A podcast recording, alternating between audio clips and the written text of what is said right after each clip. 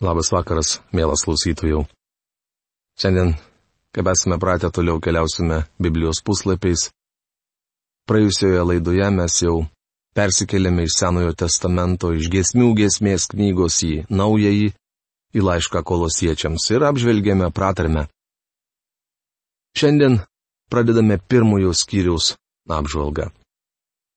Prieš pradedami pakelkime savo širdis ir mintis į Dievą maldoje. Tangiškasis Tėve Dieve, mes dėkojame tau už tavo sūnų, mūsų viešpatį ir gelbėtoją Jėzų, kuris yra tavo akivaizdoje, kaip permaldavimas už mūsų nuodėmės. Dėkojame tau už tai, kad jis užtarė mus ir tu per savo dvasę, kurią apgyvendinai kiekviename tikinčiajame traukimus į tą artimą bendrystę. Dėkojame tau, dangaus Dieve, kad tu apreiškiai mums Jėzų šventajame žodyje ir šiandien, skaitydami nuostabius praeities įvykius, biblinės istorijas juose tavo dvasios pagalba galime atrasti tą dvasinę prasme. Todėl ir šiandien prašom tavęs, kad tu padėtum mums geriau suprasti ir pažinti tave, tavo vaikams, įsūniams, kurie yra tikintieji. Ir melžiam, kad tu apreikštum save tiems, kurie dar nepadarė tokio sprendimo, nežino apie savo amžinybę. Pameldžiame Jėzaus Kristaus vardu. Amen. Taigi pirmas skyrius.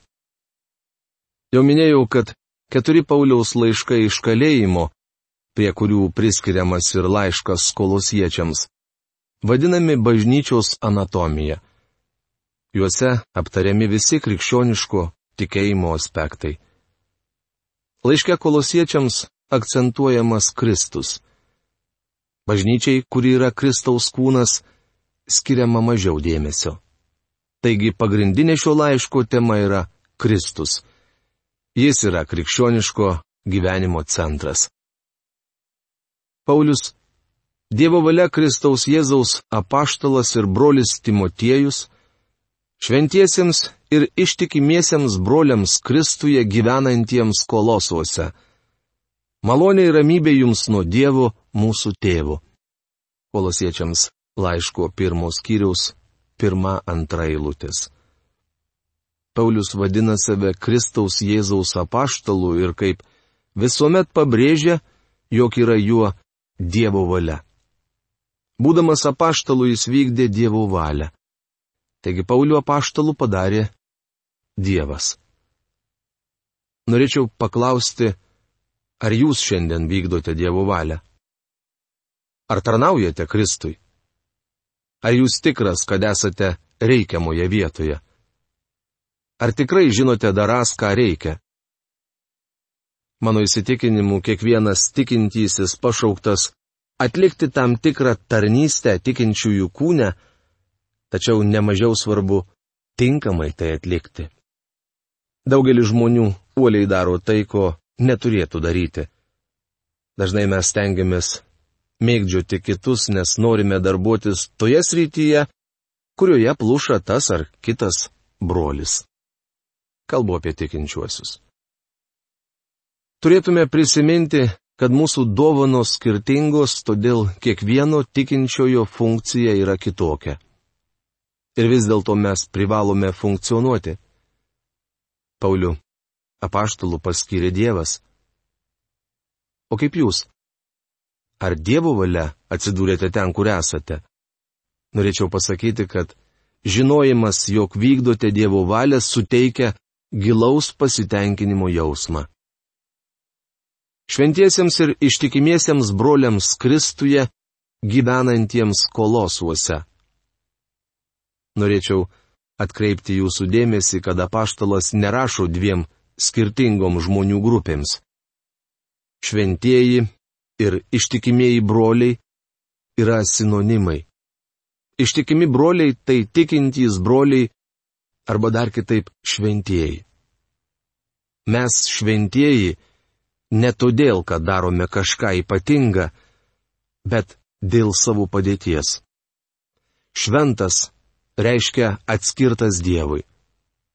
Taigi atskirtieji Dievui ir tikintys broliai yra ta pati žmonių grupė. Atkreipkite dėmesį, jog jie yra Kristuje, bet gyvena kolosuose.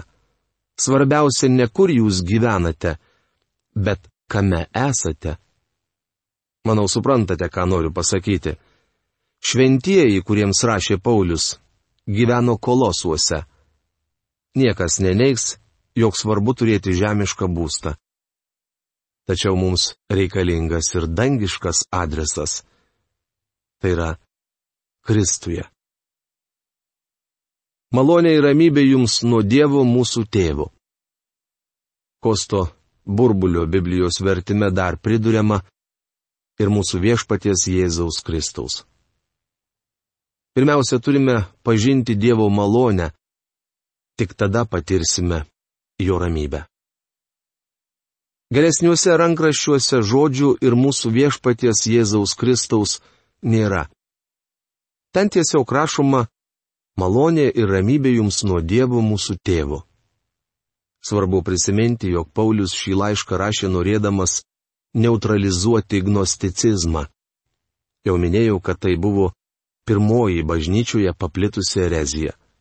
Tiksliau pasakius, šis apaštalų laiškas buvo nukreiptas prieš tam tikrą gnosticizmo šaką, tai yra esenų filosofiją.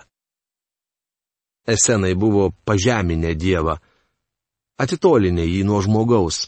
Jie mokė, jog Dievas pasiekiamas tik įveikus tam tikras pakopas. Ar atkreipėte dėmesį, kad visose pagoniškose religijose ir kultuose Dievas prieinamas tik ištarus burta žodį Sezamui atsiverk. Paulius labai aiškiai sako, jog malonė ir ramybė ateina tiesiai nuo Dievo mūsų tėvo. Per Kristų mes galime ateiti tiesiai pas jį. Nuolat melzdamiesi už jūs, mes dėkojame Dievui mūsų viešpatės Jėzaus Kristaus tėvui. Kolosiečiams laiško pirmos kiriaus trečia eilutė. Dar kartą pakartosiu, kad mes galime eiti tiesiai pas Dievą. Kiekvienas, kuris yra Kristuje Jėzuje, gali netrukdomas artintis prie Dievo tėvo. Vienas iš nuteisinimo tikėjimų privalumų yra galimybė ateiti pas Dievą per viešpati Jėzų Kristų. Nuolat melzdamasis už jūs. Jei suskaičiuotumėte visus žmonės, už kuriuos meldėsi Paulius, susidarytų gana ilgas sąrašas. Į šį sąrašą reikėtų įtraukti ir kolosų tikinčiuosius apaštalas už juos nuolat meldėsi. Nes girdime, kad jūs tikite Kristų Jėzų ir mylite visus šventuosius dėliai vilties, kuri jums atidėta danguje. Apie tą viltį esate girdėję Evangelijos tiesos žodyje. Kolosiečiams laiško pirmos skyriaus ketvirta, penkta eilutės. Šioje eilutėje apaštalas išvardyja tris esminius krikščioniško gyvenimo dalykus - tikėjimą, meilę, viltį ir pamini tris skirtingus laikus - praeitį, dabartį, ateitį.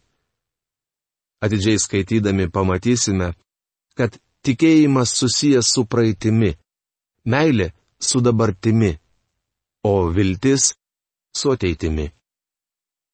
Apaštalas Paulius rašo apie gerasias kolosių tikinčiųjų savybės. Jie tikėjo Dievu. Kolosiečių tikėjimas buvo paremtas istoriniais faktais, tai yra tuo, ką praeitie jie buvo girdėję Evangelijos tiesos žodėje. Čia turime omenyje Evangelijos turinys - didžiosios tiesos, kurios sudaro Dievo malonės Evangelijos pagrindą. Dievas kreipia mūsų akis į kryžių, ir sako tikėti Kristų. Jei negirdėjote to, kuo galėtumėte patikėti, vadinasi negirdėjote Evangelijos. Evangelija nėra įsakymai. Ką mums daryti?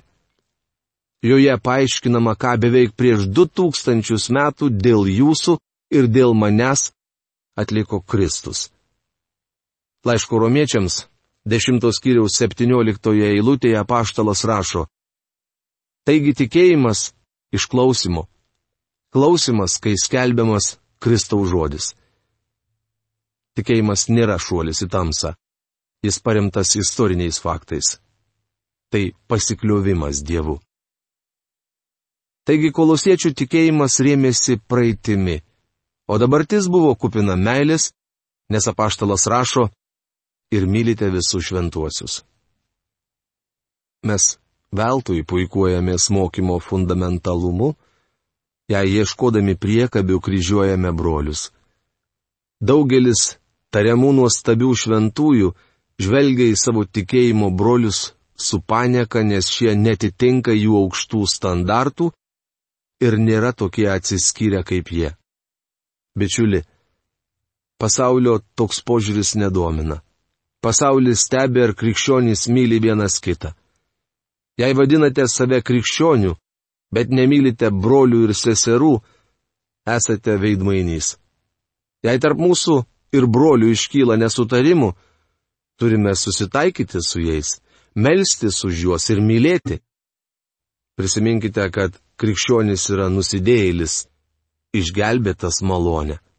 Be to nereikėtų užmiršti, kad šiame gyvenime nei vienas iš mūsų nepasieksime tobulybės. Neseniai vienas vyras užėjo pas mane pakritikuoti krikščionio tarnautojo. Jis kalbėjo apie vadovą, kurio elgesys ir kalbos man ne visuomet atrodo priimtinos, tačiau Dievo dvasia jį naudoja. Taigi paklausiau besiskundžiančio vyro, ar jis kada meldžiasi už tą žmogų. Šis atsakė, kad nesimeldžia. Tuomet tariau, Manau, turėtumėte. Galbūt ne viskas, ką jis daro, jums atrodo teisinga, tačiau Dievo dvasia jį naudoja. Paulius turėjo už ką pagirti kolosų tikinčiuosius. Jie tvirtai tikėjo Dievu. Kolosiečiai laikėsi fundamentalaus tikėjimu ir degė brolišką meilę. Be to Paulius sako, jog jie turėjo viltį, kuri atidėta danguje. Pirmame laiške korintiečiams Apaštalas Paulius taip pat rašo apie šiuos tris nuostabius dalykus, tačiau išvardė juos kiek kita tvarka. Taigi dabar pasilieka tikėjimas, viltis ir meilė. Šis trejetas. Bet didžiausia jame yra meilė. Tai prašoma pirmame laiške kurintiečiams 13 skyriuje 13 eilutėje. Čia viltis paminėta po tikėjimo apie meilę, prabylama paskiausiai. Tikriausiai jums įdomu kodėl todėl kad pasiliks tik meilė. Tiesa, meilė gyva ir šiandien, tačiau ji išliks visą amžinybę. Labai svarbu, kad mes pradėtume rodyti meilę dar gyvendami šioje žemėje. Viltis, kuri atidėta danguje, yra neapsakomai nuostabi. Kristaus ateimo mes turime laukti su meile. Apie tą viltį esate girdėję Evangelijos tiesos žodyje, to žodžio turinyje. Evangelija yra paprasta žinia, kurią Dievas ragina jūs patikėti. Taigi jūs esate skatinamas tikėti tam tikrais faktais. Galbūt jūs, mano mielas bičiuli, niekada šios žinios negirdėjote. Todėl glaustai išvardysiu svarbiausius Evangelijos faktus. Paklausykite. Jėzus Kristus gimė iš mergelės. Tai yra buvo nekalto prasidėjimo. Gyvendamas žemėje jis darė stebuklus. Vienu metu buvo ir Dievas, ir žmogus. Jis numirė ant kryžiaus, buvo palaidotas ir prisikėlė. Pakilo į dangų, iš kur buvo nužengęs. Sėkminių dieną atsiuntė į pasaulį šventąją dvasę, suformavusią bažnyčią. Šiandien sėdi Dievo tėvo dešinėje. Tai rodo, jog mūsų atpirkimas yra užbaigtas. Mes raginami įžengti į atilsio šalį. Kristaus parūpinta kiekvienam, kuris pas jį ateis. Šiandien viešpats Jėzus užtariamus. Manau, jis atlieka ir daug kitų tarnavimų. Vieną dieną jis sugrįš į šią žemę. Šie faktai sudaro šlovingos Evangelijos dalį arba kaip sako Paulius, jos turinį. kuris pasiekė jūs ir panašiai kaip visame pasaulyje, taip ir pas jūs, neša vaisių ir auga nuo tos dienos, kada išgirdote ir teisingai pažinote Dievo malonę. Kolosiečiams laiško pirmos skyriaus šešta eilutė. Paulius rašo, kad Evangelija pasiekė kolosiečius, kaip ir visą pasaulį. Daktaro Marvino Vincento kaip ir kitų žymių šio laiško aiškintojų nuomonė. Čia pavartota hiperbolė. Prisipažinsiu, jog ilgą laiką man taip pat buvo sunku priimti šį teiginį. Dažnai mąstydavau, ar apaštalas nori pasakyti, kad jam, kalint Romoje, Evangelija išplito visame pasaulyje. Šiandien aš manau, kad tai ne hiperbolė. Ir šios Pauliaus žodžius reikia suprasti tiesiogiai. Lankydamasis Mažojoje Azijoje, dabartinės Turkijos teritorijoje, stovėjau ties Sardžio miestu ir žvelgiau į dalinai atkastą kelią. Į kadaise nutiesi romėnai. Šiuo keliu apaštalas Paulius iš Galatijos ryties keliavo į Efezą.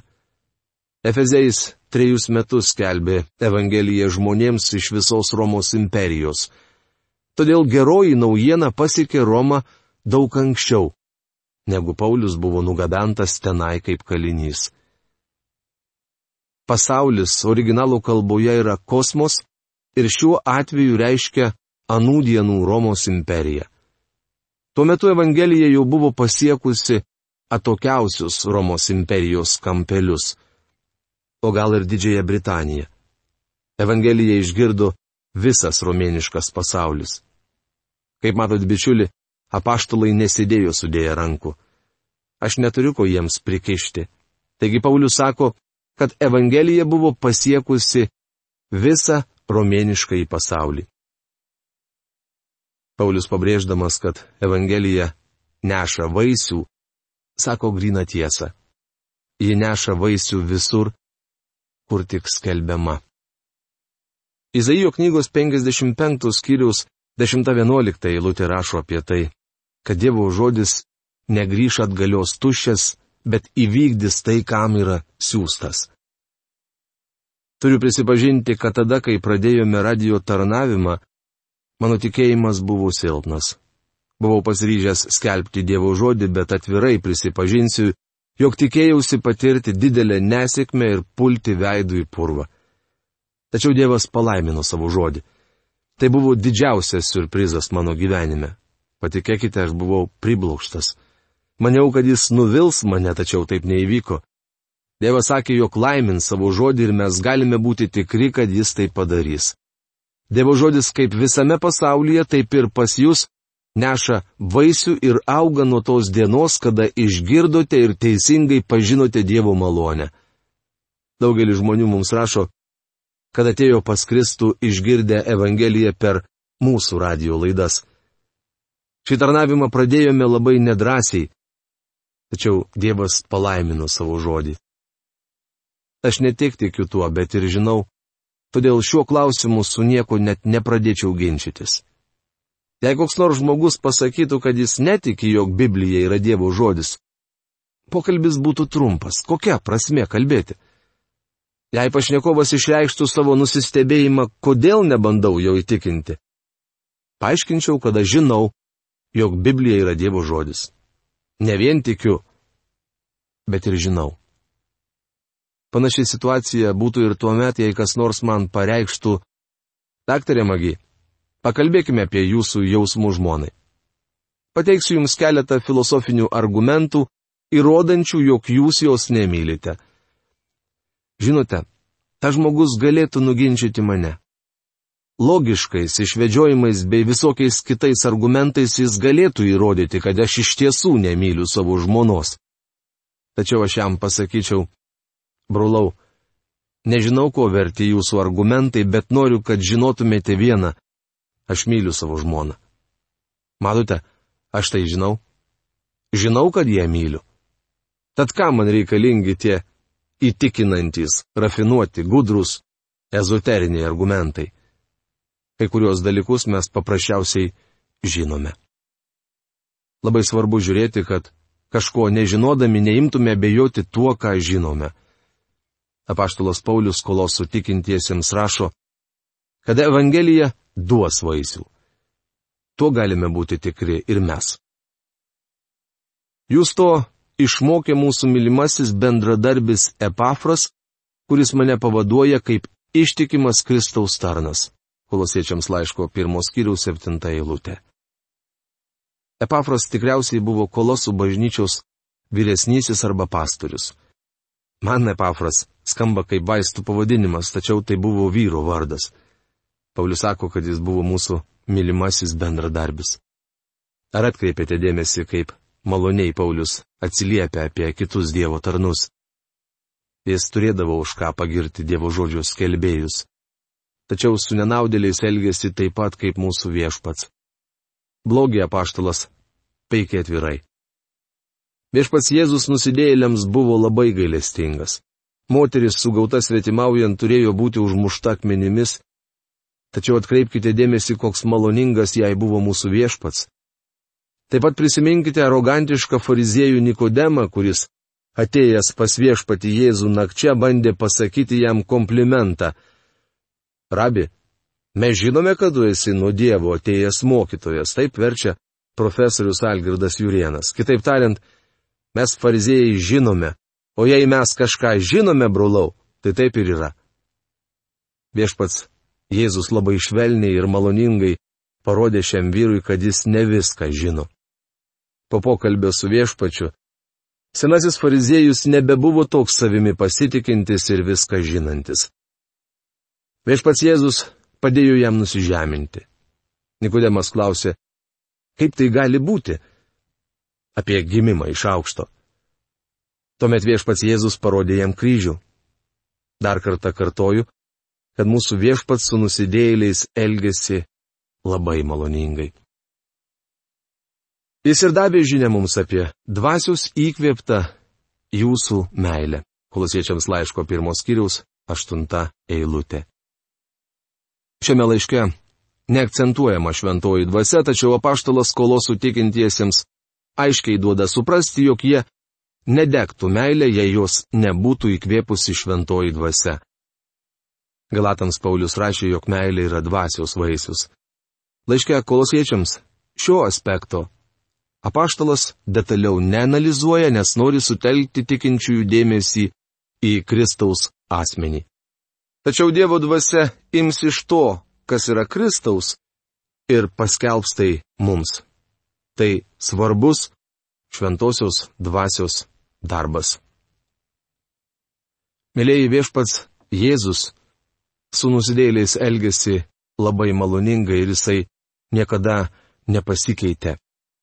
Nes jisai vakar ir šiandien yra toks pats. Taip rašo raštas ir dar priduria ir per amžius toksai. Jisai maloningas šiandien visiems mums gyvenantiems šitoje žemėje. Tol kol mes einam šios žemės keliu, mes turime nuostabią progą, galimybę apsispręsti kur mes praleisime amžinybę. Ir tapti laimingais dar čia žemėje, atnešant džiaugsmą Dievui dėl to pasirinkimo. Ir daugeliu žmonių, kurie yra šalia mūsų ir už kuriuos mes šiandien esam atsakingi. Bet kaip kiekvienas iš mūsų pasielgsime, tai atsakomybė, už kurią turėsime paskučiausią dieną duoti apyskaitą Dievui. Už kiekvieną tušiai pasakytą žodį Kiekvienas žmogus bus nuteistas pagal tai, ką jisai gerą ar blogą darė šitame kūne.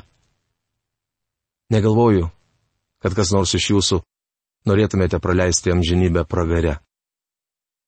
Todėl šiandien, kol yra šiandien, yra išgelbėjimo metas. Ir jums, tie, kas dar nepažįstate Kristaus. Iki malonaus susitikimo. Sudė.